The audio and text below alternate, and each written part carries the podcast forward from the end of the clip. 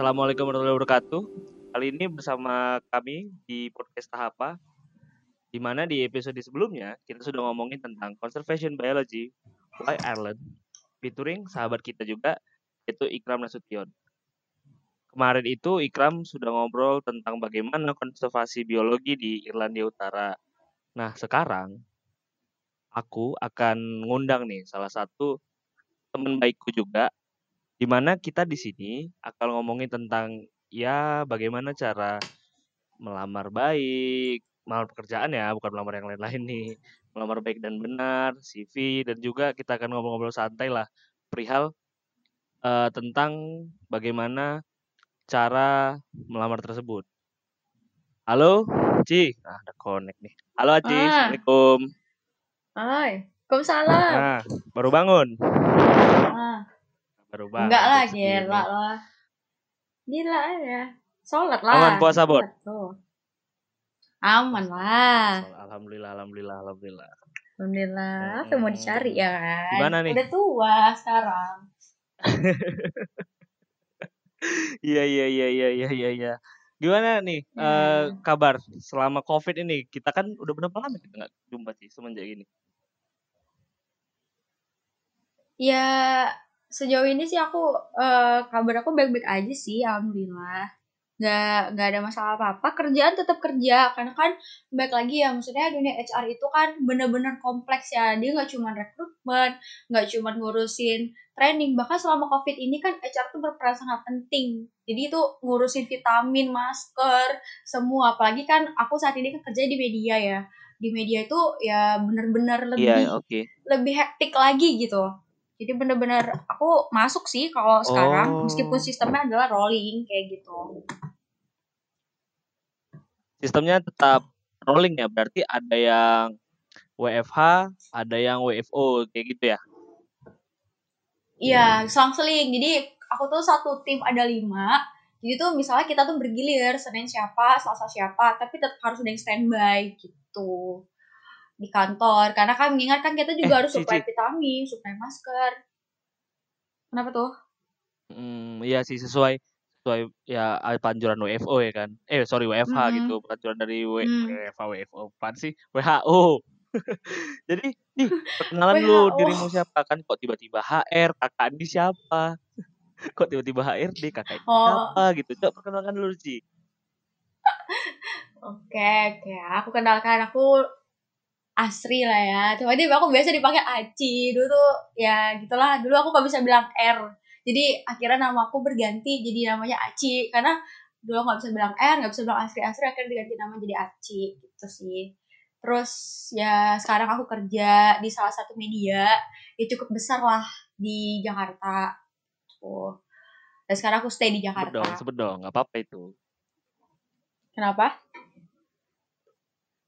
Sebutlah sebutlah nggak apa-apa nggak apa-apa itu. Nggak nggak perlu ya mau disebut. Nggak usah lah kita kita bikin aja uh, malu-malu. aja lah ya. Mau sebut ini? Cukup media kan bergengsi sih cuma ya ya. Iya iya iya gitu. Ya enggak lah. Enggak enggak enggak Enggak sih, enggak. Dia uh, banyakkan FTV lah pokoknya di filmnya. Tapi oh. aku enggak aku enggak di langsung terjun di situnya gitu loh. Aku tuh oh. sekarang jadi tuh aku sekarang kerja di SCTV tapi SCTV-nya bukan di SCTV-nya banget. Jadi satu grup sama SCTV tapi aku di Whisper-nya. Whisper itu tuh uh, satu grup sama-sama SCM group. Jadi tuh Whisper itu bergerak di bidang yeah. iklan gitu. Jadi uh, iklannya hmm. SCTV iklannya semua film FTV sebenarnya terus semua handle adalah Whisper gitu. Uh-huh. Uh, jadi kalau pernah oh, tahu di BI, gitu. kalau bisa pernah nonton sinetron tuh hmm. ya, TV tiba-tiba tuh ada baliho yang gak ada gitu, tiba-tiba uh, jadi ada baliho oh. di dalamnya gitu-gitu. Nah itu yang handle biasa Whisper, oh, terus tiba-tiba yang uh, ada edit-edit background di belakang kayak gitu. Iya. Itu sih. Uh. Oh. Lebih ke situ aja kalau Oh, berarti ini Cuma saat ini kau kau di kau di media kau di media hmm. yang buat aku tidur jam 3 gara-gara nonton FTV Ben Joshua itu kan yang ada tes mirasi Ya kan? Iyalah kayak gitulah, Ya kan? kira-kira gitulah. Tapi BTW FTV itu ada pagi juga, Wak. Nggak nggak harus jam 3 pagi, Wak, BTW, Wak. Ah, itulah yang pernah buat aku cabut sekolah, Ci. Kenapa? Kan kau emang cabut sekolah, suka kan? Jangan, jangan dibuka. Ci, eh, mungkin Iya. umur mama aku itu Siapa yang nggak 50-an. tahu Aku suka dengar podcast. Tahun Oh, kapan? berbahaya. Eh, apanya Siapa yang nggak tahu ya kan? Ya kau gimana? Oh. Cuman kan Eh, aku aku jadi- tahu nih, jadi- maksudnya kau suka gitu cabut-cabut ya kan sekolah. Yang nggak tahu kau? buruk kali gitu aku. Semua kau cabut. Enggak lah, enggak. Bandal kali. iya ya kan. Tapi tetap saya bandal-bandalnya pun masih bandal-bandal lurusnya. Ya kan. Iya dong, kita tetap kimatnya ada. Iya. Syukur aja nggak PK Jadi, karena nggak terlalu ganteng gitu. Astagfirullahaladzim. Enggak dong, enggak, enggak, enggak. Oh, Akbar, saya tidak seperti itu. eh, Ci, Makanya aku bilang, untung kau dianugerahkan tidak ganteng gitu aja. Sempet ganteng kau mah? aku di kesempatan ini Anda, Cobaan itu anda puas ganteng. menghina saya ya. Sangat lempeng sekali. Oke. Seperti lagu Lanjut, Iwake Anda menghina saya. Bebas lepas. Oke, oke, lanjut, lanjut. Jadi, Jadi, apa ini gara-gara- sekarang? Oke. Jadi eh jadi kan eh, tempat kerjaan kau itu pernah buat aku rela cabut, Ci. Acara di kerjaan kau itu. Terus? Serius. Laki-laki pada cabut? umumnya cabut sekolah kan? Iya, laki-laki pada umumnya itu cabut sekolah kalau nggak karena kalau di Medan ya, kalau nggak karena ya aku lagi Mickey Holiday atau main warnet. Kalau aku nonton FTV. Karena pagi-pagi ada tes mirasi. Kalau jam 3 ada tes mirasi. Kapan kau ngerasa kayak gitu? Ngerasa apa nih? Kau, maksudnya kau Ngerasa ngerasa kayak mana kau nih? Pikir, cabut-cabut pikiran, karena pikiran aku nonton ke mana nih? FTV terus ya kau berhayal pengen pacaran Oh, Ya, enggak tadi aku bilang. Aku ganteng cukup cobaan untungnya kau nggak untungnya kau nggak ganteng aja Sialan. Dia makin makin lepas makin lepas gitu dia menghinanya. Dan kali aku telepon pas puasa biar nggak bisa ngina. jadi jadi kita straight to the point aja nih. Sih, kan di tengah pandemi Hmm. ini ada kau Hmm. tahu kan kayak misalnya Hmm. PHK di mana-mana, terus pe- apa namanya pemotongan gaji. Nah, kita flashback deh sebelum eh, kejadian ini. Kau kan sempat mengalami yang namanya fresh graduate. Nah, kalau aku Hmm. sih per- ya pasti pernah lah mengalamar sana sini ditolak sana sini. Nah, kalian itu kan bagian HR, apalagi kau jurusan psikologi kan. Aku pengen tahu sih kalau misalnya kalian punya rahasia nggak? Hanya kalian yang tahu gitu. Jadi kayak rahasia CV mana yang bakal dibaca, terus juga eh, apakah pengalaman itu penting atau enggak? Dan juga yang aku pengen tahu ada yang bilang intinya ada kenalan. Nah, itu bener nggak sih? Mau dari poin nomor semua satu dulu benar. Ya semua aku bilang ya semua tuh benar. Terutama yang kenalan itu emang betul sekali. Saya betul lah gitu. Eh, nggak lepas-lepas lah ya dari dari kenal-kenalan tuh pasti ada. Karena jujur aku juga pernah ngerasain di posisi yang kayak gitu juga gitu. Kalah karena dia punya kenalan siapa kenalan siapa karena nggak cukup backing kuat dan segala macam itu pasti ada gitu. Cuman iya. eh itu tapi menurut aku tuh di tempat yang tertentu aja nggak nggak semua tempat. Jadi eh berhub Mm, kalau aku ya aku ya jujur aja maksudnya ya di kota di kota yang cukup gede sekali di Jakarta sih ya cukup yang kenal kenalan gitu hampir nggak ada ya maksudnya ada tapi kayak peluangnya kecil gitu Oh. cuman kalau mungkin di kota-kota Hmm, hmm. kecil mungkin yang kayak gitu-gitu masih sangat kuat kayak gitu terus kalau misalnya yang Eh. soal CV itu pasti kita lihat gitu Hmm. seberapa bagus CV-nya kamu sebagai seberapa seberapa bagus CV-nya yang yang dibuat itu pasti dilihat. Tapi yang pas yang paling pasti buat CV itu tuh jangan panjang-panjang. Maksudnya jangan sampai berlembar-lembar. Karena tuh yang dibaca tuh cuma satu lembar doang. Kalau Oh, iya. bisa tuh dan kalau bisa satu lembar mencakup semuanya. Ya maksudnya as fresh graduate ya Hmm. gitu. Ngerasa gak sih kalau kalau aku nih ya sebagai HR tuh kadang suka ngeliat nih isi isi CV tuh bacot semua gak sih? Saya kayak tiba-tiba hobi hobinya eh, fotografi. Kita tuh nggak perlu tahu lo punya hobi apa Uh. itu bisa kita tanyain pas interview ya kan? Ya nggak sih? Maksudnya kayak Ah, tiba-tiba bener-bener, nulis bener-bener. nanti sumpah ya aku tuh pernah nemu CV yang isinya cewek terus dibikinnya suka shopping. Itu kayak emang nggak make sense gitu loh nggak bener-bener kayak apaan sih? Kayak ya apa ya aku baca kayak betul-betul aja ngapain lo mau, mau kerja nggak sih kamu mau kerja nggak sih mau kerja kok bacaannya shopping shopping kayak gitu kayak Ah. gitu kan kayak kayak nggak nyambung nggak relate Ah. gitu kalau menurut aku konten konten CV sih paling penting dulu tuh aku Hmm. ngerasa juga sih sama Apa Maksudnya kayak urusannya? pengalaman organisasi tuh iya urusan apa nih Apa urusannya? Shopping, shopping dimasukin ke CV. Nah. Itu apa urusannya? nah itu itu itu banyak tapi terja dan itu terjadi. Ada yang ngisi modeling ada yang ngisi ini. Itu nggak penting gitu loh. Lo eh, misalnya kamu mau ngelamar ke bank nih ya mungkin oke kalau nge- ke bank mungkin Ya. akan ngeliat lah secara bank pasti bank itu adalah hal yang pertama dia adalah good lookingnya kita gitu.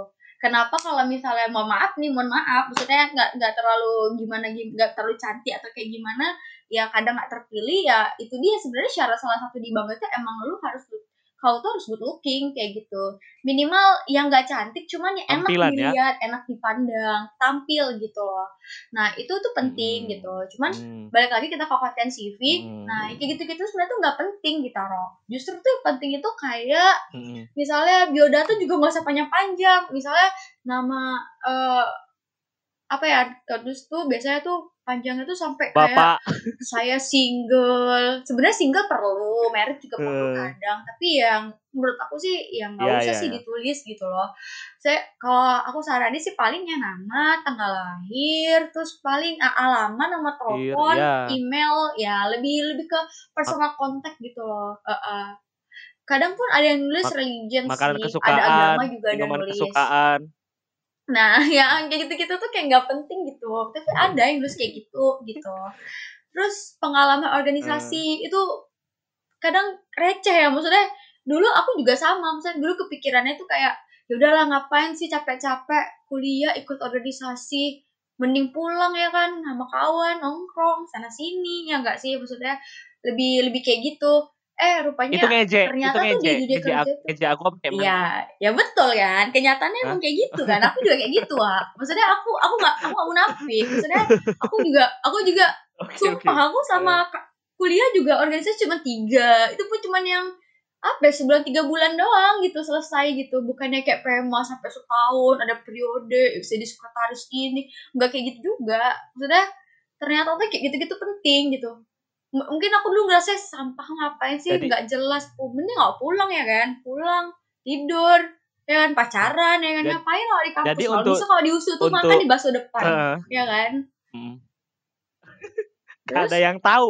Ini kalau yang dengar anak-anak unpad apa itu bakso depan usuk ada yang tahu.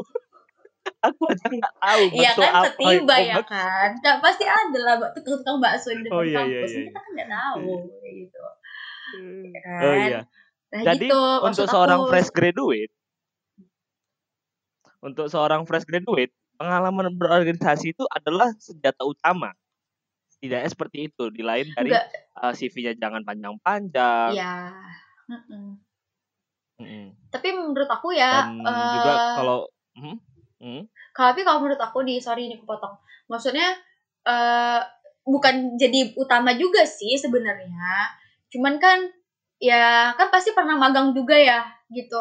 Dulu kan pasti kita ada magang-magang kan Hmm. ya minimal kelas bang itu juga penting loh ditaruh kayak gitu. Eh, bahkan penghargaan penghargaan yang pernah kita terima juga boleh ditaruh. Misalnya tah dapat juara apa itu boleh gitu sebenarnya ya itu dia sih plusnya mungkin dulu tuh sepele gitu kayak ya udahlah ya kuliah aja cepat lulus Ah. cepat ini kadang mikir kayak gitu ternyata tuh enggak untuk fresh graduate tuh sangat penting ya kayak gitu kayak gitu ternyata gitu loh Hmm. jujur aku juga maksudnya Nah. apa tuh Nah, Wah. Ini nih, ini nih Hmm. inti dari semuanya seorang fresh graduate- graduate di mana pun, gak usah munafik, Mm-mm. pasti. Berapa tolak ukur HR ini? Ya jangan jangan basic dari perusahaanmu lah. Hmm. Jadi kayak eh, tolak ukur seorang gaji, seorang fresh graduate, yang kan kau udah pernah kerja di Medan dan di Jakarta. Nah itu tolak ukurnya berapa tuh? Biar ini yang rekan-rekan kita yang mendengar ini Hmm. itu tahu tuh range berapa dia harus untuk ya ibaratnya masuk akal lah range yang dia mau seorang fresh graduate. Kadang aku menemukan seorang fresh graduate itu meminta gaji 10 juta. Dan itu ku langsung eh, apa ya? Langsung kayak bukan langsung ku coret sih karena kan ya aku juga sama mu pekerjaannya sama cuman aku lebih ke IR kan. Nah di situ aku langsung aduh nih orang ya udah deh. Ternyata aku terima aja lamarannya tapi nggak aku nggak aku konfirmasi lagi karena kan wah tawarannya gila 10 juta. Nah itu adakah range-range tertentu nggak sih untuk seorang fresh graduate? Jadi kalau aku ya boleh bilang ya gini sih eh, teman-teman tuh jangan jangan kepedean ketinggian. S1 tuh apa sih ilmu teman-teman gitu loh. Ya S1 tuh masih umum ya. Kalau teman-teman mungkin S2 ngerasa punya skill atau profesi ikut pelatihan sana sini teman-teman terserah punya budget apa pun gitu. Tapi balik lagi gitu loh. Semua orang tuh butuh pengalaman. Nah teman-teman ini masih fresh graduate emang teman-teman ilmunya banyak gitu kan Eh belajarnya oh gue tahu ini aku tahu ini aku tahu ini aku belajar aku les ini les ini." tapi dunia kerja tuh berbeda Ah, ah, gitu Ah. dunia kerja tuh nggak sama Hmm. jadi kalau menurut aku ya ketika teman-teman udah dapatnya tuh UMR ya udah bersyukur aja sih maksudnya nggak usah ngarep yang sampai tinggi tinggi gitu karena ah. karena gaji itu akan naik seiring dengan berjalannya yang namanya eh ya itu dia tadi pengalaman gitu karena jujur Ah, juga ah. aku kerja udah tiga tahun ya kurang lebih kerja tapi juga aku belum nyampe 10 juta nah yang kayak gitu. Tapi ada temen aku udah nyampe 10 juta dan tergantung masing-masing bidang ya. Maksudnya aku nggak nggak ngelis nih eh harus Ah. segini segini bisa jadi ada yang lebih gede karena balik lagi Ah. kayak sales kan ada insentif Hmm. kita kan nggak bisa pungkiri juga gitu-gitu juga ada Hmm. tapi balik lagi maksudnya jangan Hmm. jadi patokan gue kan lulusan UI gue lulusan UTB Unpad segala macam gue harus dapat 8 juta Ah, gitu ya kalau aku sih enggak ya karena emang gimana ya, aku juga jadi HR juga ilfeel maksudnya ngapain aku bayar Ah. mahal-mahal sampai 10 juta orang baru kerja ini ini gitu loh tolak ukur aja gitu introspeksi diri Hmm. maksudnya se- seberapa besar gitu tapi tapi nggak memungkirin Hmm. ya ada sih yang gaji segitu kayak mungkin sekarang kayak MT MT ya Ah. MT MT perusahaan gede kan sekarang 8 10 19 ya terserah gitu itu kan program yang Ah. percepatan bakal jadi supervisor nah Hmm. cuman kalau mau jadi pegawai biasa menurut aku minta-minta segitu tuh kayak nggak wajar aja gitu ya kalau menurut aku fokusnya adalah teman-teman nih kerja tolak ukur pertama ketika lulus adalah nyari pengalaman gitu. Cari pengalaman sebanyak-banyaknya. Siap itu aku ya setuju kan? setuju. betul. Karena aku juga kayak gitu Hmm. Wak. maksudnya aku juga nggak langsung jadi HR saat itu. Jadi kepengen mbak kepengen nih jadi HR gitu. Betul-betul pengen kali jadi HR cuman nggak ada jalan Wak di Medan mau jadi HR jadi CS awal customer service dulu belum jadi HR cuman ya tapi pengen lah ya Hmm. Oh kan justru just, justru kenapa justru justru sangat bertolak belakang ya dengan jurusan pertama kali kuliah gitu. Eh sorry Iya. pertama kali tamat dari psikologi. Oh gitu. justru itu Wak. aku aku Oh. sampai Nah. aku udah sampai pasrah maksudnya aku sempat berkekeh nih ya aku pengen kerja ini kerja itu gitu ah, aku harus jadi HR nih Ah, ngelamar ke mana-mana tau sendiri kan Medan kecil kali kan mau ngelamar kayak mana pun aku setengah mati pun Asli, asli, susah asli, ya asli, asli. kan ya udah jadi eh, akhirnya ya menyerah Ah, sama benar. keadaan gitu nggak bisa maksain diri juga buat jadi HR Hmm. gitu ya mau gimana lagi orang nggak Hmm. bisa wah gitu mau mau pakai deki oh siapa Iya. ya kan bapak awak ya kan tapi bapak awak cuman ininya kerucuk kerucuk Ah. kecil pegawai biasa ya kan ah, paling jemur jemur pakaian ya kan awak ya gitu gitulah ceritanya. Ya di episode ini adalah episode tentang aci merendah mulai dari gaji di bawah 10 bapak kosong. Itu adalah sebuah tipu muslihat. Antum antum sekalian jangan percaya ya. Oke? Kalau saya lagi apa saya pulang dari kerjaan saya dinas dan ngehubungin eh di Jakarta Wak jalan yuk saya lari. Kenapa?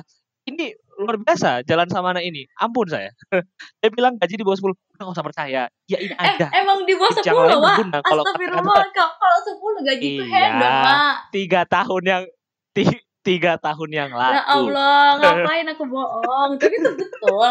Benar, maksudnya iya iya HR itu betul nggak, betul eh, maksud aku, eh aku juga sadar, maksudnya ada beberapa tawaran, Wak. Kayak misalnya aku ditawarin di HR supervisor, manager gitu. Ada, Wak. Cuman mungkin Ah, aku iya. balik lagi ya mungkin ada orang yang Kenyamanan pede gitu ya dengan dengan dirinya buat oh aku Hmm. bisa gini gini gini gini tapi aku ngerasa ilmu aku dengan tiga Hmm. tahun buat aku jadi supervisor itu kayaknya belum mumpunin aku jadi supervisor belum ya? gitu loh jadi aku banyak nggak ngambil bukannya aku nggak nerima Ah. tantangan ya nggak nerima apa cuman aku masih butuh Hmm. belajar kayak gitu. Masih butuh banyak tahu kalau misalnya aku Ya. harus ini harus itu kayak gitu. Heeh. makanya aku bilang balik-balik lagi ke tolak diri sendiri. Makanya emang kita minta 10 juta emang kita udah punya skill apa? Kayak gitu balik lagi gitu. Ya skill skillnya kita ya gimana? Kerja dunia kerja beda wa ya kan? Ya ini ya kok kalau kita boleh pik- pikir-pikir sih? Jadi HR misalnya. Kita belajar hasil psikotes segala macam. Tiba-tiba si bapaknya direktur anaknya minta masuk. Psikotesnya nggak lulus awak mau Oh. ngikutin psikotes? Kan nggak juga ya kan? Dia maunya kayak lulus. Otomatis kita lulusin anaknya tiba-tiba ya udah maksudnya itu psikotes nggak berguna juga. Ya kan? Nggak pakai-pakai juga ilmunya kayak Heeh. gitu. Jadi kan kayak banyak hal yang emang dunia kerja tuh yang nggak sesuai sama pikiran kita kayak gitu sih kalau aku. Jujur aku Jadi secara nggak langsung ter- terkadang para pelamar-pelamar ini menghadapin pelamar yaitu anak seorang direktur. Secara nggak langsung nanti mungkin pelamar tuh tidak tahu, wah ada anak direktur tuh saingan aku. Padahal ada dan dia tidak tahu gitu. Iya, misalnya ada ada pelamar tuh biasanya nggak tahu. Biasanya tuh kalau kayak gitu-gitu tuh mainnya cantik lah, jarang. Misalnya dia bakal ikut tes kayak kita biasa, ikut Wis, interview, oke. semuanya tuh pasti ini ikut gitu. Kita nggak mungkin. Teman kan biasnya itu ketika ya ya pas seleksi terakhir, ya kan dari anak siapa anak siapa sih lulus dan kayak gitu-gitu tuh pasti pasti ada. Terus itu itu pelajaran penting ya selain CV Ah. ya. Eh kayak CV itu Ah. juga aku sering nemuin tuh kayak misalnya nanti eh dimacem-macemin gitu di gambar-gambar apa gini-gini ya balik lagi tergantung ya gimana ya kalau aku ya Nah, misalnya Kalau kalau misalnya nah, apa kalau kita balik ke CV nih, Ci. Balik Ah. ke CV.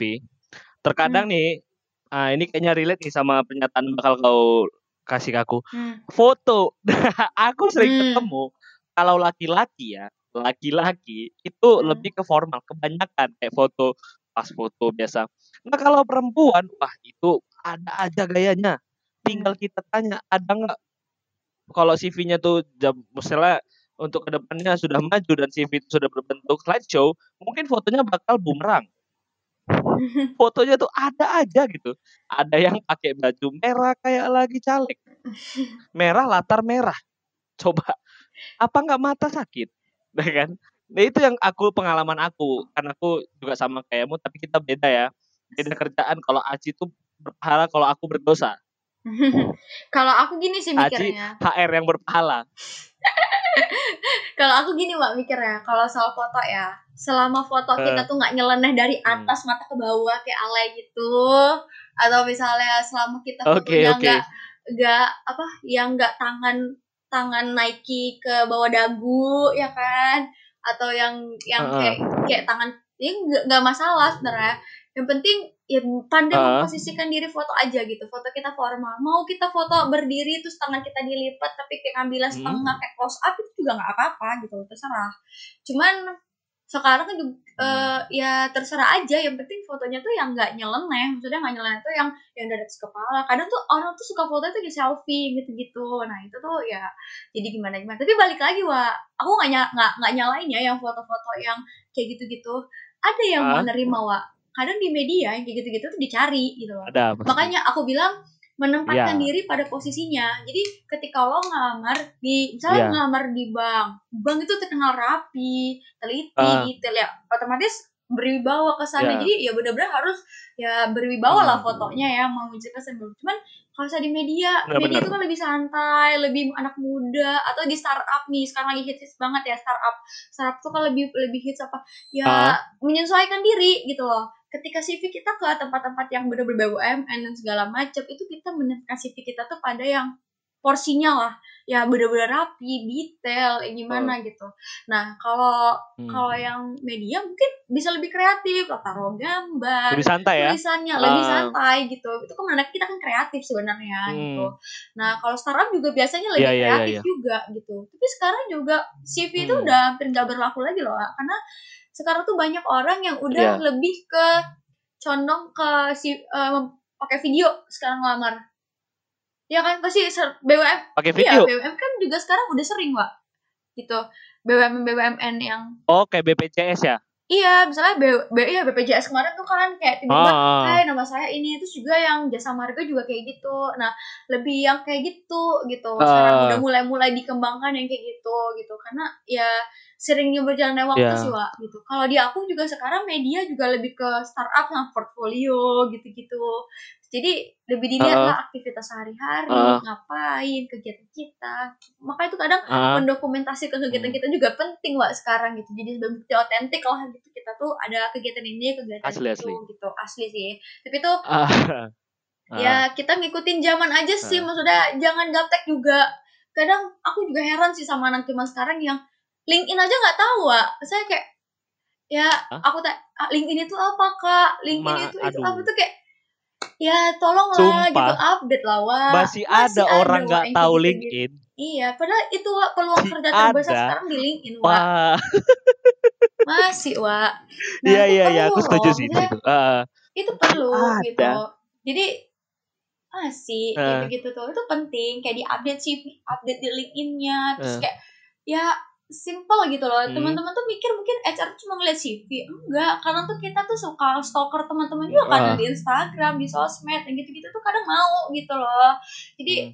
ya balik-balik lagi gitu tergantung gitu bahkan aku kan kerja di media nih aku juga punya teman di HR di media nah dia tuh kalau misalnya ker- Ah. eh, kerja tuh ya kalau ngeliat tuh kadang sampai Instagramnya tuh diliatin apakah estetik atau nggak kadang tuh mau yang gitu-gitu gitu karena dia kan mau ngelamar ke posisi nih misal menjadi social Sampai media officer segitunya ya. otomatis dilihat Ah. sampai segitunya Ah. Wak. Jadi aku nggak tahu kalau di. Medan atau di kota-kota kecil lainnya gimana, tapi di Jakarta tuh terjadi Wak kayak gitu. Makanya siap-siap lah maksudnya jangan ya jujur ya Wak kalau aku gimana pun ya kadang suka suka di Jakarta tuh emang pikiran kita tuh lebih luas aja gitu. Kalau di kota lain tuh masa kayak jujur aja Oh. maksudnya kayak tiba-tiba ada yang bilang cuman kayak Tanpa tanpa mendeskrip kota-kota lain kan. Iya kota-kota lain gitu. Tapi kayak kayak tiba-tiba ngomong kayak, wah eh, masukkanlah aku ke sini tanpa tes. Terus kayak suka mikir, heh gue cuma Ah, aku aku sering. cuma Aku HR. sering. Iya iya kan sering kan. Maksudnya kayak aku cuma HRD loh di sini yang memakai kau user Iya, iya, gitu iya. loh. Yang gi- aku bisa mungkin bantu ya kan menjembatani nih. Tapi kan balik lagi kan si usernya mau pakai atau enggak wa ya kan kita bisa bantu jembatani nih sama kawan-kawan kita Betul. misalnya. Tapi Betul, tapi kan usernya Ah. mau pakai nih dia mau enggak gitu loh. Kalau dia enggak mau ya udah kita bisa apa gitu loh. Kadang kadang hal simpel kayak gitu tuh ya nggak bisa tinggal enak gitu Ah. loh. Usahalah dari kita gitu loh sendiri gitu. Tampilin semaksimal mungkin gitu. Itu sih. Kalau kalau dari CV dan segala macam sih aku rasa itu cukup sih. Kalau itu penting Ah. sosmed sosmed ditampilin juga juga nggak apa. Cuman ya jangan banyak banget lah kayak Twitter sampai Aksefem semuanya enggak juga. Maksudnya yang penting-penting yang bener-bener kayak sekarang lagi digunakan Iya, iya. banget gitu loh. Itu aja sih. Gitu cuma nomor handphone Ibarat ini sih. perihal ah, perihal penampilan kan. hmm, Ini aku ada sedikit nih. Kalau di startup Hmm. santai, iya ya kan? betul itu Cewek-cewek pe- kalau khusus cewek tuh santai. Kalau di bank rapi. Nah, kalau di kebun, kalau mau santai, mau rapi, itu tetap di reject. hmm, Karena intinya begitu di reject, nomornya dapat udah ya, ya yang yang ada usernya ngelamar ke pegawai. hmm. Jadi modus. Jadi nggak memang susah. Jadinya intinya modus karena mereka di kebun tidak ada melihat perempuan, ya kan? Jadinya perempuannya banyak ditolak, di reject dan eh, nomornya aja yang disimpan. jadi kalau aku makanya Itu, menempatkan diri itu wa kan beda. itu aku bilang maksudnya ya kalau di startup santai memang aku juga termasuk yang eh, yang tempat aku kerja sekarang tuh agak termasuk startup juga kan karena dia baru gitu nah eh aku nyantai masuk jam 10 pulangnya jam 6 gitu. Ada malah ya justru teman aku yang kayak beberapa startup di Jakarta juga masuknya jam 11 pulangnya jam 4 jam 5 terus tapi yang penting kerjanya selesai. Ada sekarang udah lebih modern ya kayak gitu Wak. cuman ya masing-masing lah. Kadang kan juga ada yang perusahaan pakai seragam ya. Maksudnya dulu aku juga kerja di konvensional maksudnya benar-benar BUMD itu juga pakai seragam dari Senin sampai ah, Jumat. Nggak pakai baju bebas Hmm. juga wa jadi kalau sekarang aja aku pakai baju bebas Ah. nah yang kayak gitu-gitu ya beda lagi cuman ah, yang mau aku make sure kan nih kita bahas rekrutmen kan ketika interview nih ah. penampilan itu penting loh maksudnya Hmm, interview Eh, penting, penting. ya. Ah, ah, iya tuh? penting kan maksudnya masa datang kucel-kucel bau ketek ya kan nggak mungkin Aw- awak pun males interviewnya Kayaknya aja. pengalaman. Kayaknya kayaknya antum ini pengalaman menerima banyak pelamar banyak seperti itu. banyak maksudnya Eh. ya boleh lah eh, kalau di kalau di Medan misalnya kan perjalanan ya kan kalau dendang awak ke ke Sun Plaza misalnya mau interview ya kan iya ya kan tertiba Wow, ya kan dendang atau ada yang tahu atau dari mana lah ya kan dari apa laut. kalau di Medan kan laut Oke dendang oke. ya kalau kalau di. Jakarta mungkin tak dari dari Bekasi dari Bogor Eh. dari mana ke, ke kota gitu ke Ah. Sudirman misalnya nah ya, kayak gitu-gitu tuh Hmm. ya boleh lah naik kereta. Kalau kita kan kereta motor ya di Medan ya. Kalau di Jakarta kan kereta tuh KRL kereta api ya kan Ah, Nah, KRL, KRL, kan naik Ya, komuter, komuter. lain atau kalau di Medan kan kita naik motor ya kan. Kayak gitu-gitu acak-acakan rambut atau pakai ma- ya minimal sempetin lah rapi-rapiin dulu sebentar sebelum ketemu kayak gitu-gitu. Pakailah parfum biar wangi. Iya iya iya. sebenarnya tuh kadang suka salah kaprah Hmm. sih. Kadang orang gue interview nih harus pakainya hitam putih hitam putih sebenarnya nggak harus Ah, maksudnya eh, nggak Oh, nggak harus harus. pakai hitam putih nggak harus wa sebenarnya eh bebas yang penting rapi sopan kayak meja lah jangan pakai kaos jangan pakai kaos Kecuali- berkerah gitu loh ah. tetap di startup kecuali juga ada gitu. permintaan langsung dari perusahaan. nah ya itu nah Kecuali permintaan langsung kan? ya misalnya perusahaan tertentu bilangnya harus pakai hitam putih ya buat tes nah itu baru gitu loh Ah, cuman ya kayak bi- biasa kan kalau hitam putih itu identik dengan tes PNS, PUMN, gitu-gitu nggak sih? Maksudnya Ah. kalau perusahaan biasa kayak betul betul betul deh. betul. kayak gitu. Iya. Gak harus gitu. Jadi Hmm. nggak teman-teman juga nggak mau nonton sebenarnya gayanya gitu loh. Terus kalau make up juga tuh. Nah memposisikan juga tuh cewek-cewek misalnya Jangan terlalu menor. Iya gitu, maksudnya boleh menor, tapi kalau ngelamarnya jadi jadi kayak ah. teller, mungkin iya mungkin bu- butuh ya makeup menor atau dia mau jadi SPG di mana gitu ya, itu kan butuh yang kayak gitu-gitu. Cuma kalau misalnya Ah. perusahaan biasa mau jadi akuntan atau mau jadi apa gitu, atau kalau sales emang Ah. perlu lah sales makeup menor atau makeupnya tebelan gitu. Maksud aku nggak bilang menor tapi Hmm. tebelan, ya emang perlu itu kan eh, pekerjaan kayak gitu. Cuman kalau misalnya yang nggak nggak relate banget ya jangan menor-menor kali lah Ah. gitu loh kesannya ya ini ini mau kerja atau mau apa ini sekarang kita kan kayak gitu jadi mikirnya gitu saya pernah wah aku aku nyari nyari resepsionis Ah. gitu di kantor aku yang lama konvensional Eh datang wa bajunya Ah. seksi kali juga wa ya nggak gitu juga Hmm. wa Ah, ya tahu lah ya kan teh Sebelah sebelah sebelah sebelah mana? Aduh, Seksinya sebelah mana nih? Ini kalau iya. bikin gini nih aku Oh. aduh tobat lah wa ah sampai kapan wa makanya cari bini ya kan apakah ala udah udahlah tua wa apakah ada selat selat selat selat selat Sunda pokoknya pokoknya menurut aku tuh ya, ya jangan seksi terbuka kebuka juga gitu maksudnya ya gak apa ya, ya mungkin Hmm. ya cuman jadi bahan cemooh gitu loh jadi kayak ya jujur lah ya kadang Oh iya, cewek-cewek tuh jadi ya ya pembicaraan jujur aja gitu ya. baju-baju Ah. Chanel itu kan kadang kerahnya tuh suka yang kancingnya kebuka sampai dua kancing satu Ah. kancing. Kan ada kan baju-baju di H&M di mana-mana. Aku Iya kan? mau. Ya enggak sih? Aku mau. Jangan PK wa jangan. Kenapa tidak ada pelamar yang kayak gitu ke mejaku? Ada wa kenapa gitu. Pelamarnya? tergantung. Itu pak. Saya agronomi. Tergantung wa tergantung. Akhirnya jadi bahan cemooh loh kayak Eh. gitu. Jadi akhirnya iya kan yang aku betul-betul aja aku pengen jumpa kayak gitu nah contohnya bakal ketemu kayak orang aku kayak baik. gini gitu kan maksudnya teman-teman tuh ya ya ya sopan lah sopan rapi gitu sopan. tapi nggak nggak terbuka juga gitu.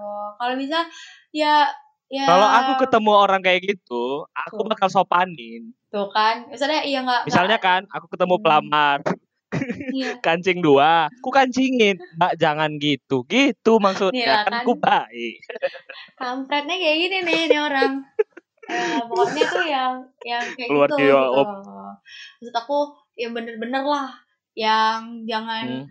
ya Intinya jangan yang masuk juga. akal. Eh, masuk akal ya benar jangan pakainya Iya, iya. nabrak Ah, juga ah. sih nabrak juga jangan Soalnya Hmm. pakai baju atas merah rok Iya. kuning ya kan nggak gitu juga wah ya Wah, kan jangan baju kuning latar biru. Nah, Kan kira sponsor tiket nah outcome. maksudnya ya kan? bener-bener Ah. lah maksudnya rapi lah saya hitam putih eh, eh, hitam Iya, iya, hitam iya, iya. iya. biru atau warna-warna gelap biasa warna-warna dark mungkin lebih inilah lebih enak dilihat lah kalau menurut aku Mm-mm. happy gitu gitu cuman itu yang rapi Heeh. Kalau misalnya mau foto-foto, mau mau buat penampilan yang beda, udah kirim personal ke Om gitu. Nah, Maksudnya ke iya. ke HRD-nya, Pak, saya bisa skill modeling gitu. Aku pasti terima sih. nah yang kayak gitu Oh, gitu makasih. ya kan? Nah, terus itu itu balik lagi ke penampilan eh, penting gitu loh. Eh, nah terus yang ke ketiga tuh eh, eh, pas nampil tuh usahakan teman-teman tuh ketika interview tuh kayak eh s- apa ya jangan ragu-ragu buat salam.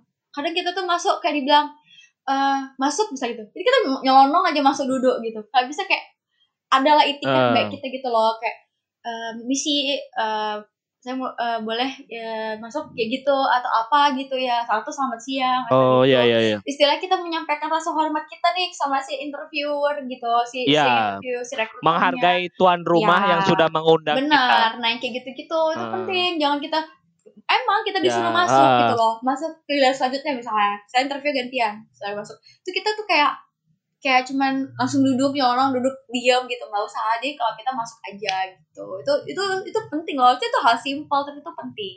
Nyapa juga tuh penting. Nyapa nyapanya nyapa si interview Oh. Hmm. gitu loh. Karena kita tuh antusias tuh sama si interview. Terus yang kedua Ah, ketika kita interview tuh teman-teman tuh sadar kasih suka gugup dan segala macam kayak gitu-gitu nah itu kalau bisa dihilangin ah, gitu loh. aku pernah sih. deg-deg Ah. deg-degan emang aku juga deg-degan Tapi wa susah sih. susah wa tapi kalau kita bisa Ah. sebenarnya bisa nguasain materinya wa enggak wa sebenarnya. Jadi deg deg Gimana ya? deg-degan. Cuman ya balik lagi pas kita depan tuh berusaha tampil lah sepercaya diri mungkin gitu. Bisa ya ibaratnya cakap-cakap bisa Hmm. lah ya. Meskipun kita tuh belum yakin bisa atau enggak nih. Misalnya wih kayak nggak bisa aku nih wa udah mati. Cuman kan ya kita harus bisa berusaha. Kita bilang bisa gitu loh ya bisa aku pasti bisa gitu. Saya dia bilang Aku setuju, ya setuju. maksudnya kayak Ah, kamu bisa nggak tahan nggak gini nih meskipun kita ngerasa kayak ih aku takut sama kayak gini. Misalnya dalam hati kita kayak gitu ya kan. Cuman ya harus kita bisain gitu. Ah. ya bisa pak. Tapi meyakinkan kita antusias dengan cara ya kalau bisa postur badan tuh gitu postur badan kalau bisa agak ke depan. Terus natap eye contact tuh perlu. Jangan kita dikit-dikit nunduk dikit-dikit nunduk bukan kayak ketakutan. Maksudnya kita tuh kayak kayak nggak nantang juga tapi kayak lebih memperhatikan mendengarkan gitu loh. Nah ketika si ah, ketika si penanya si interview udah nanya ya jawab gitu. Jawab aja ngalir gitu loh. Apa yang kita tahu keluarin aja Oh. gitu. Jadi eh ya seadanya kita gitu loh. Seadanya tapi ya kalau bisa lebih mencontohkan kelebihannya kita nih nah gitu terus kalau Ah. menghadapi pertanyaan pertanyaannya misalnya nah ke- kelemahan kelebihan kalau bisa Ah. teman-teman udah siapin dari rumah jadi nggak nggak gelagapan buat sebenarnya nggak masalah buat searching searching sebenarnya basic interview nanya itu semua sama aja gitu untuk Hmm. pertama ya paling kan nanti bakal nanyakan Ah, lebih detail ah. ketika user kan yang skill kita kan nah sebenarnya kalau Ah. XR itu kan lebih menggali ke kepribadian kita gitu loh kepribadian kita seperti Yaps, apa benar, benar, benar, benar, iya benar. sih maksudnya nah ah, ah. jadi men- Hmm. ya balik lagi kalau aku nih lebih kayak sebelum interview ini, ini pengalaman aku nih sama kerja sama pengelamar sebelum aku ker- melamar nih aku nih baca Ah. dulu perusahaannya nih baca dulu aku tengok visi dan misi dia kayak gimana. Oh. jadi kita tahu nih dia mau nyari orang yang seperti apa. Strukturnya? Struktur nggak usah wa paling lebih kayak Hmm. visi misinya gitu loh. Terus kepanjangan. iya makanya aku bilang sekalian aja aku hafalkan ya kan? Iya, iya, semuanya. iya, iya, Kau iya, tanya iya. lah karyawannya namanya siapa ya kan? Bosnya siapa ya nggak gitu juga Oke, oke, oke, oke, oke, oke, oke, oke. lebih ke Ah, lebih ke itulah lebih ke visi misi perusahaan terus lebih kayak ke ke dia nih lingkungan perusahaannya kayak gimana gitu gitu. paling aku cari-cari tahu juga tuh di Google Ah. kadang eh, proses interviewnya seperti apa bisa Ah. tuh kadang muncul-muncul aja di Google yang gitu-gitu gitu loh nyari nah ya pandai-pandai searching lah Terus gitu gini sih, apa tuh Eh, terus gini sih, Eh, kan ad- ada banyak orang atau si orang di luar atau aku Hmm. aja ya. Tapi Hmm. dulu aku bingung nih. Ketika aku pengen melamar suatu pekerjaan, tapi nggak buka, tapi Hmm. nggak buka suatu perusahaan. Misalnya, basic aku kan hukum. Nah, aku pengen sebagai eh, legal staff lah Hmm. awal-awal mula kan. Tapi dia nggak buka. Apakah itu aku tunggu buka aja atau aku lamarkan aja meskipun nggak buka? Itu gimana kalau di HRD Gini sendiri? ya, Wak. Kalau aku ya, kalian kan udah tahu ya itu bukan ranahnya. Mau tetap apply, ya sebenarnya eh udah pasti auto ditolak ya kalau aku ya. Karena kan kita nyarinya apa, terus teman-teman ngelamarnya apa, itu banyak sih kayak gitu. Bukan, bukan. Bukan ini lebih, Lebih ke ke apa? ini sih. Maksudnya lebih ke dia nggak buka. Kan aku hukum, aku ngelamar legal. Hmm. Legal itu kan hukum, legal staff. Nah, aku pengen di kantor A, legal staff. Tapi di kantor A itu dia tidak membuka jurusan itu. Melainkan itu masih udah apa ya bahasanya kayak eh, udah nggak buka lowongan. Tapi aku kepengen tetap melamar. Apakah itu HRD nggak akan dibaca karena dia nggak buka atau tetap kalian tetap filing untuk kemudian hari atau ada yang desain atau apa nah ini orang kandidat cocok nih untuk kita ulik Kalau misalnya Gitu loh. memang menarik, biasanya akan disimpan. Nanti itu bakal di-review lagi ketika nanti kita butuh biasanya. Sebenarnya sih teman-teman yang apply itu enggak 100% dibuang di reject itu enggak. Itu di, tetap disimpan. ah. Te- eh, tetap disimpan Ah. eh, bu- bakalan jadi sortiran kita kemudian hari kayak gitu gitu loh. Enggak enggak dibuang banget Ah. kayak gitu sih enggak kalau kalau biasanya Hmm. pengalaman aku sih enggak gitu. Cuman biasanya tuh yang udah au- auto reject tuh biasanya yang ngelamar yang enggak sesuai spesifikasi. Misalnya kita minta pengalaman berapa tahun, Ah, dia rupanya benar-benar. plus kedua ngelamar yang itu. Biasanya tuh udah Ah. auto di sortir dulu udah nggak ini gitu nggak dipakai gitu. Tapi bisa jadi juga Hmm. Ya kalau kalau di masing-masing Hmm. perusahaan beda-beda ya. Maksudnya kalau di aku kadang iya iya iya kita benar, keepnya enam bulan atau kadang keepnya setahun gitu. Jadi setelah Ah. setahun sudah ternyata kita kita recycle ulang karena kan bisa jadi tuh udah setahun biasanya kan orang ada pembaruan data ya gitu. Makanya itu udah nggak dipakai lagi. Nah gitu, Iya, iya, iya. sih. Kalau itu. Ah, terus kalau misalnya ini nih ah ibaratnya aku nih pernah nih Hmm. ketemu orang ketemu orang ini nggak kenal aku dia siapa. Nah kita, aku lagi di suatu tempat dan dia dia tiba-tiba nyamperin aku sama teman-teman aku dan dia ngobrol "Eh, kalian anak muda ya? Wah saya tebak kisaran dua dua dua tiga itu sekitar berapa ya? Tahun lalu atau dua tahun yang lalu lupa. Nah kayak gitu Hmm. dia bilang oh kalian mau nyari kerja ya? Eh tipsnya gini gini gini. Tapi ada satu tips yang yang lain ketawa tapi sama aku kayak "Ih, bener nih si om botak nih karena omnya botak gitu kan. Hmm. Eh, tipsnya itu begitu kita masuk ke ruangan untuk di interview user ataupun interview awal nah kalau kita bawa tas alangkah baiknya tas kita itu tidak resepsionis dan kita hanya bawa map apa yang diperlukan untuk ke dalam Hmm. itu benar nggak karena aku Iya. ngelakuin itu di tiga perusahaan yang pernah nge-hiring aku nah aku tuh berhasil pokoknya yang buat aku kalah itu di akhir lah intinya di di Hmm. nego gaji itu intinya apakah itu pengaruh sih. Ya kan aku bilang kan kayak tadi kan kayak penampilan tuh pengaruh ya. Maksudnya kadang emang ada yang kayak bawa tas gede gitu kan ke dalam.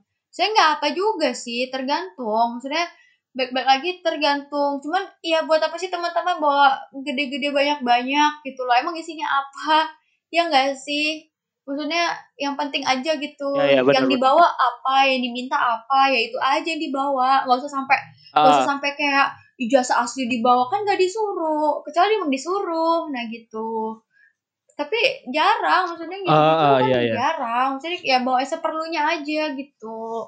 Jadi nggak heboh heboh di Oh, tengah aja. gitu. Iya maksudnya nggak jadi nggak heboh di tengah. Karena tuh kadang kadang kita tahu sendiri ya kadang kita kalau misalnya psikotes aja contoh kecilnya kan itu kan rapat-rapat ya tas teman-teman Ah. gede-gede kan susah juga Iya. yang sulit tuh kalian sendiri gitu loh mm. jangan menyulitkan diri sendiri juga gitu nah itu sih paling kalau aku ya itu kan Ah. balik-balik ke penampilan interview terus perhatikan cara Hmm. teman-teman menjawab terus juga eh, jangan Ah. apa ya jangan ragu buat bertanya balik jadi nanya ke boleh nanya Ah. apa aja tuh menunjukkan teman-teman antusias nih penasaran sama kerjaan teman-teman tuh kayak gimana perusahaannya nih kayak gimana itu boleh gitu tuh boleh banget tanya-tanya tuh emang bener-bener penting gitu jangan selesai interview udah selesai Hmm. Ah. kelar udah clear tuh kayak nggak ada antusias apa apa kayak gitu kayak gitu Ah. sih kalau aku Terus gini sih, eh aku kan nggak tahu ya, mungkin kau juga pernah ya pasti. Job fair, ha, job fair kan. Di job fair itu, aku pernah, aku pernah sih job fair di Medan. Eh, karena emang waktu itu aku tamat, aku tuh nggak nggak ada job fair di Medan pas aku tamat kan, makanya aku langsung cabut ke Jakarta dan Hmm. alhamdulillah ada beberapa panggilan juga kan. Aku ini pernah ikut job fair salah satu gedung pemerintahan pemerintah di Jakarta. Nah, yang ada yang lucu, dia datang itu pakai kacamata hitam, masuk ke dalam sepatu boot, pokoknya kayak model catwalk. Nah, udah gitu aku ada juga orang yang ketemu yang betul-betul pakai kaos sama kardigan. Eh, apa kardigan kayak gitulah, kayak, kayak kardigan mungkin lah. Nah, itu gimana kalian yang kau kan seorang recruiter pasti pernah ditempatkan di job. Nah, di job fair itu apakah orang-orang kayak gitu masuk dalam kuali- kualifikasi? Yang pakai kacamata hitam, yang rapi, kayak model bukan rapi kayak kerja gitu. Ada yang nyantai, nyantai banget bahkan. Itu gimana? Eh, kalau di job fair sih balik lagi ya. Kalau job fair itu sih kita biasa jarang sih ngefilter kalinya tuh jarang. Jadi terserah teman-teman sih kalau mau pakai Ah. gimana gimana. Biasa kalau di fair tuh kalaupun ada interview langsung, biasa langsung langsung skill aja sih langsung Ya. teman-teman ya HRD ya teman-teman kayak gimana gitu. Ya tapi ada aku sering, saya aku beberapa kali ke job fair, beberapa kali juga aku jaga stand segala macam Ah. uh, interview juga nyari orang juga langsung Iya, nanya di tempat juga gitu kadang Hmm. kadang mau. Ya aku Ah, nggak ngeliat itu sih kalau pas di situnya karena kan itu kan spontanitas ya maksudnya kita nggak ada nyuruh teman-teman buat rapi juga nggak ada nyuruh buat teman-teman yang segala macam juga jadi kalau teman-teman datang cuma nyantai sih sebenarnya nggak apa cuman ya balik lagi ya jangan pakai sendal pakainya ya sepatu lah minimal Ah, gitu. iya, iya. ya pakai kaos juga nggak apa sebenarnya karena kan ya itu kan tempatnya bukan tempat yang maksudnya belum ini loh belum face to face. Ya oke nanti interview face to face langsung ada yang interview langsung. Cuman kan nggak ada himbauan. Teman-teman kan setiap di situ kan perusahaan nggak cuma satu yang nilai teman-teman yang rapi yang Benar, rapi benar, atau benar, enggak benar. kan yang masing-masing perusahaan beda-beda. Misalnya kalau ke kursi A pakai kaos juga nggak apa-apa yang perusahaan si B ya nggak boleh. Nah jadi nggak nggak ada patokan. Jadi se- sehingga biasanya kalau misalnya pada saat job fair itu nggak masalah. Yang penting kan teman-teman kalau pakaian Ah. rapi ya jangan pakai sendal lah gitu. Ya teman-teman kan balik lagi tujuannya ke Ah. job fair kan mau cari kerja. Ya, kalau bisa ya pakainya rapi lah gitu. Enak dilihat. Nggak harus hitam putih juga. Hmm. So- soalnya nih aku sering lihat nih ya semua orang tuh monotonnya tuh hitam putih putih apa pun interview psikotes hitam putih putih selama nggak disuruh tuh nggak usah gitu loh. Eh, sampai ada yang maksa mau mama es suruh beli ya kan? Maksudnya yang ada aja gitu loh. Kalau emang nggak Hmm. disuruh ya udah nggak usah kayak gitu. Nah ya kalau emang disuruh Terus, baru lu kalau pakai ya pakai kalau menurut tuh eh, hmm, kalau menurut prediksimu kan sebagai HR atau apa hmm. prediksi nih di tengah pandemi ini yang kita tidak ya kita nggak tahu nih kapan usai dan kita berharap secepatnya lah berkah Ramadan itu membuat pandemi ini berakhir kan? Hmm. di mana? Di di mana kalau misalnya eh, misalnya nih eh, ada nggak feeling bahwasannya kemungkinan kalau pandemi ini udah reda aja akan ada beberapa rekrutmen? Karena kan eh, banyak orang yang Pasti bilang ke banyak. aku aduh di job street kosong gitu di ini kosong gitu. Banyak sih yang nyampein ke aku. Ada aku juga fresh graduate kan jadi dia sering bilang bang eh, di job street ini kosong bang ada lamaran. Oh iya iya terakhir kali April gini-gini. Oh gitu apakah nanti di tengah pandemi yang sudah mulai mereda itu akan nimbul lagi tuh rekrutmen yang banyak-banyak kayak Hmm. dulu? Aku juga ada aku juga sekarang lagi ngalamin yang kayak gitu wa maksudnya aku juga rekrutmen aku juga cuma terhold wa karena balik lagi kan eh, takutnya kita bawa orang baru ke dalam juga. Yang pertama takutnya dia bawa carrier ya bawa penyakit covid juga. Itu yang pertama Ah. ketakutannya kita gitu loh. Terus yang kedua adalah eh kan kita WFH wa. Siapa yang mau ngajarin dia wa? Anak baru masuk Iya. bosnya di rumah wa. Masa masa berguru ke rumahnya wa? Kan nggak mungkin juga. Karena aku juga ada satu yang baru baru Ah, aku iya, iya, iya.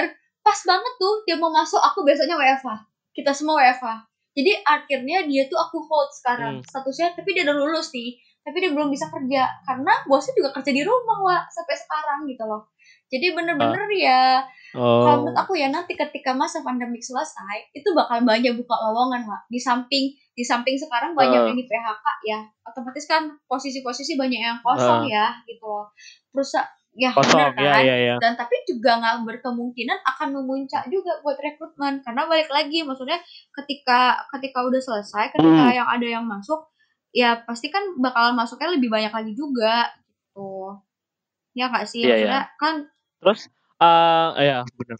tahu sendiri kan di kalau misalnya gini, eh, kalau yang di hold itu Ci, kan kau Hmm. bilang di hold. Nah di hold, eh rupanya di hold tuh gak dibayar berarti kan?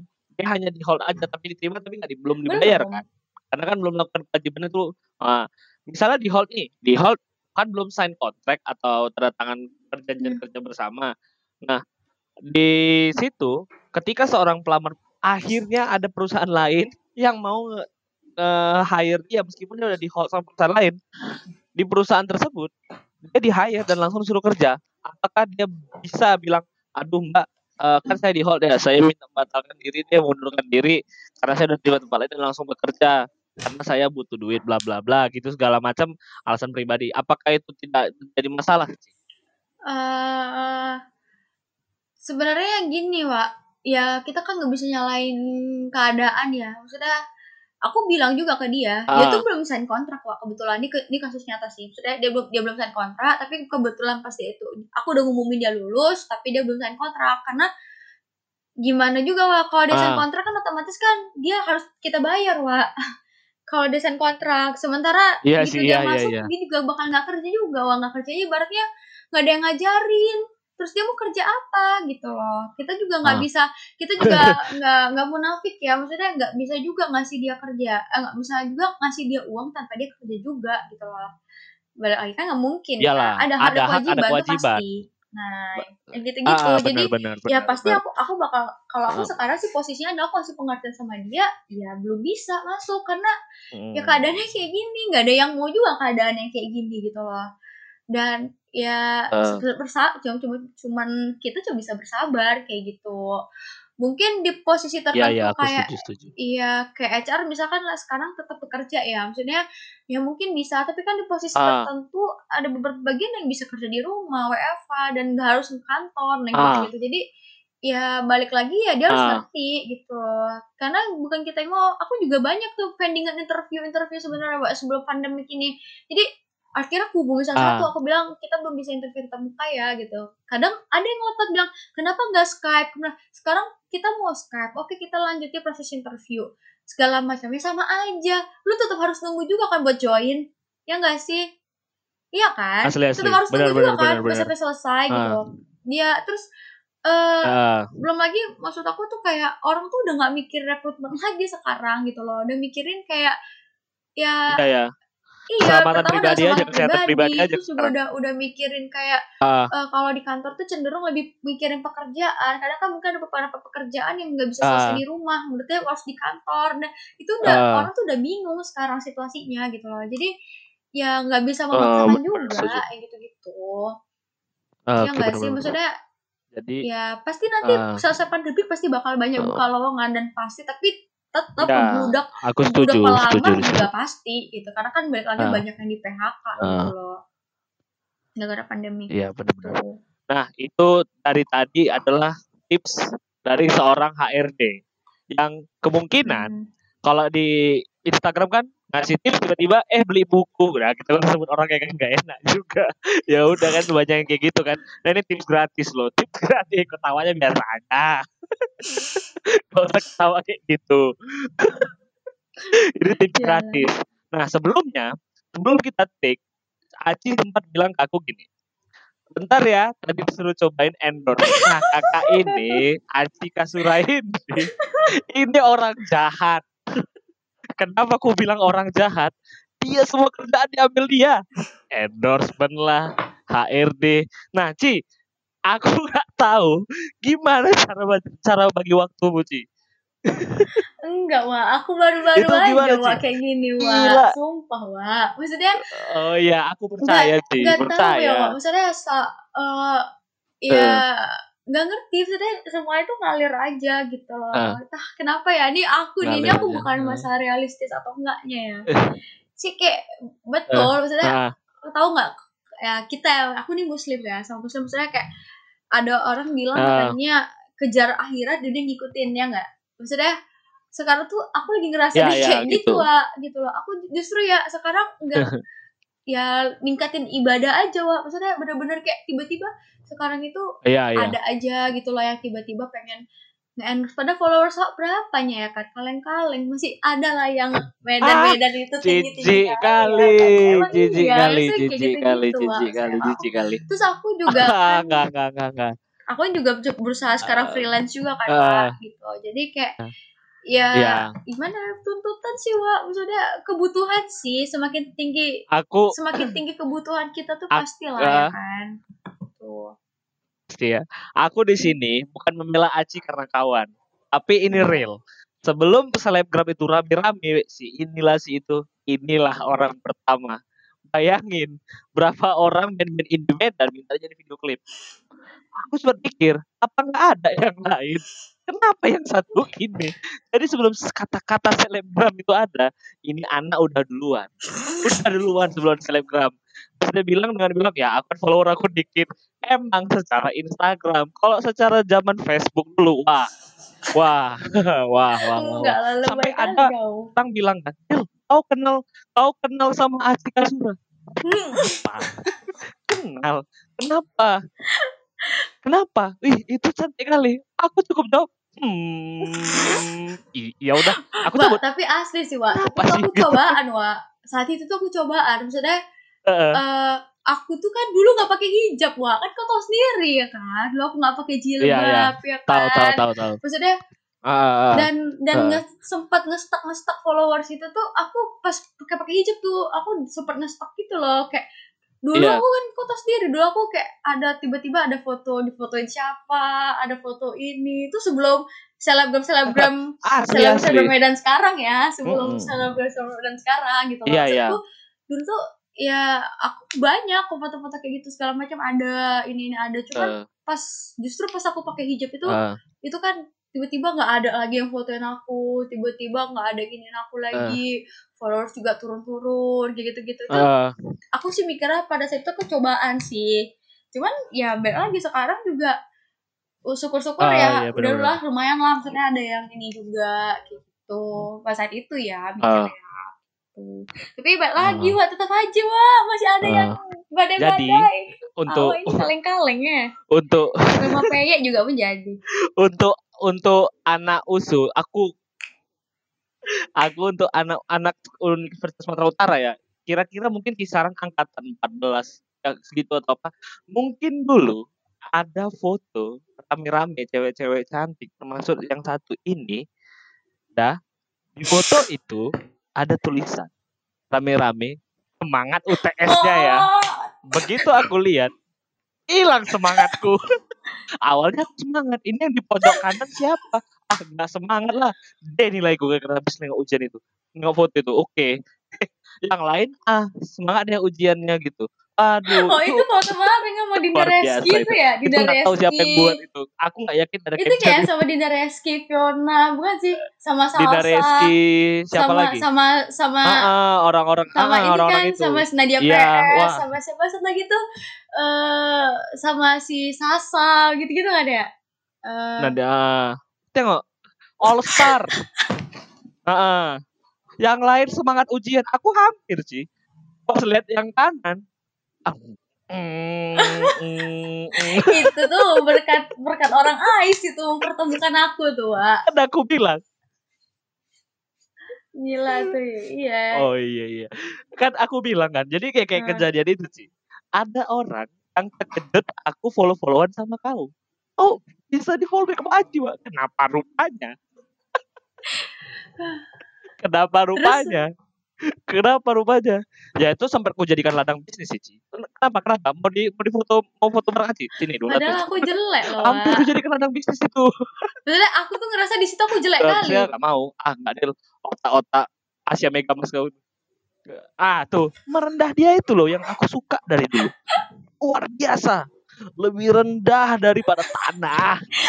Tapi aku gak merendah atau meroket, sumpah gak ada niat aku. Enggak.